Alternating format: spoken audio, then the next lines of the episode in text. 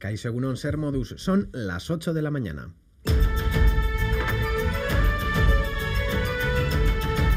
Crónica de Euskadi con Lier Puente. Miles de personas se han manifestado este sábado en Iruña tras la pancarta Euskera Nafar Gustiona para reivindicar que el euskera es de Navarra y de todos los navarros y navarras. Sayoa Crespo, directora de la Icastola Argia. Euskara ez da inondik heldu, ez. Euskara Nafar guztiona da. Nafarroa Euskara da, eta Euskara Nafarroa. Hau baita Euskararen herria, lurraldea eta hemen Nafarroaren bihotzean, Euskararen etorkizunari ongi etorri erraldoia ematen ari gara. Bilbao a esta hora comienza una marcha cicloturista que reproducirá la primera etapa del Tour, que arranca en 20 días. Aprovechando el contexto, está realizando una protesta el movimiento autodenominado a Sindical Erzañas en Lucha. Enseguida conectamos con la esplanada de San Mamés. Y los partidos continúan elaborando sus listas para las elecciones del 23 de julio. Pese al acuerdo, Podemos considera un error político de manual el veto a Irene Montero en las listas de Sumar. Su cabeza de lista, Yolanda Díaz, ha dado las gracias a las formaciones por estar a la altura de las circunstancias. Lili Bestringe, Yolanda Díaz. Que no estamos de acuerdo con el veto impuesto por parte de Sumar y de Yolanda Díaz a Irene Montero. Nos parece un error político de manual y nos parece que además manda un mensaje muy peligroso a nuestra sociedad, un mensaje de disciplinamiento del movimiento feminista. Hemos alcanzado un gran pacto por la esperanza y la esperanza es la que nos permite seguir caminando. Otras formaciones ya han ratificado y presentado sus listas, es el caso de PNV, EH Bildu o el PSE. Las, los Gelzales apuestan por Aitor Esteban con la novedad de Maribel Vaquero en Guipúzcoa. EH Bildu repetirá fórmula con Óscar Matute y Mercedes Purúa. Y el PSOE ha ratificado sus listas en Madrid con Rafaela Romero encabezando Guipúzcoa. Escuchamos a Antonio Ortúzar, Óscar Matute y Eneco Anduza. Las elecciones del 23 de julio no van de quién se sienta en la Moncloa, si Sánchez o Feijóo, va de quién va a defender más y mejor los intereses de Euskadi en Madrid. Sin el concurso de las izquierdas independentista, vasca o catalana, no hay gobierno de progreso posible en el Estado español. A usted, eh, Euskadi ondo kokatuta gauzela, oso ondo kokatuta gauzela, eta erdigunean jarriko ditugun eztabaidak, ba, bere emaitzak ere emango dituzte, ezta?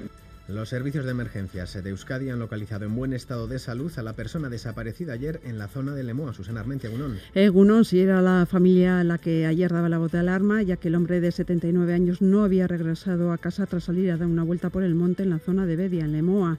El dispositivo de búsqueda lo ha localizado poco antes de las 2 de la madrugada en las inmediaciones del barrio de Berroeta, en Bedia, en aparente buen estado de salud, pero un poco desorientado.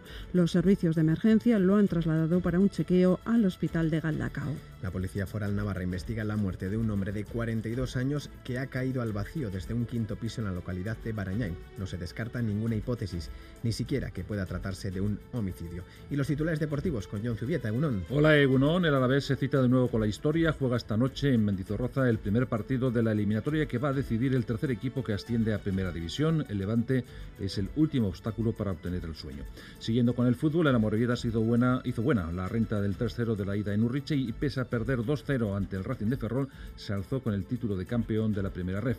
Menos suerte tuvo el Sanse, que estuvo cerca de hacer en realidad su sueño el gol de Cortajarena en minuto 66, hacia ver que se podía lograr el éxito, pero a falta de 5 para el final, empató Chiqui para el Alcorcón.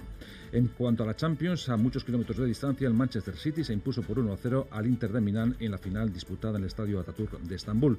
En cuanto al remo, este mediodía se celebra en Ondarroa el campeonato de Euskadi de traineras con eh, presumible duelo entre Ondarribía y Bermeo en categoría masculina y por otra parte Donostiarra y también Orio en féminas. En el ámbito de la pelota destacamos el triunfo de Madariaga y Urrutia en la final del torneo internacional Vizcaya 23 de Pala y en cuanto al ciclismo, Vingegaard volvió a demostrar que está por encima de los demás en el Dauphin y logró el triunfo en la etapa de ayer. Hoy concluye esta prueba con seis puertos. Además, hoy se inicia la Vuelta a Suiza y en Roland Garros, final Djokovic-Casper Ruth. Y en cuanto a féminas, Suatek se hizo con el triunfo tras ganar en tres mangas a la checa Muchova después de casi tres horas de partido. Hoy aumentará la inestabilidad y la nubosidad será más abundante. Previsión de Euskalmet con Mayaleniza, Egunon.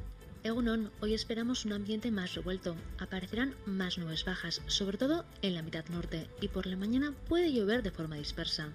Por la tarde aumenta la inestabilidad. A partir del mediodía se pueden dar chubascos tormentosos.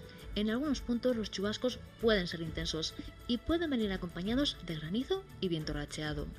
Hoy también predominará el viento del norte. Las máximas bajarán un par de grados y se quedarán en torno a los 24-26 grados. De modo que hoy el ambiente será algo más fresco y la tarde puede ser tormentosa. Reciban un saludo de los compañeros y compañeras de redacción que hacen posible este informativo también de Maitane Bujedo y Arancha Parado desde la parte técnica. Son las 8 y 5 minutos. Comenzamos.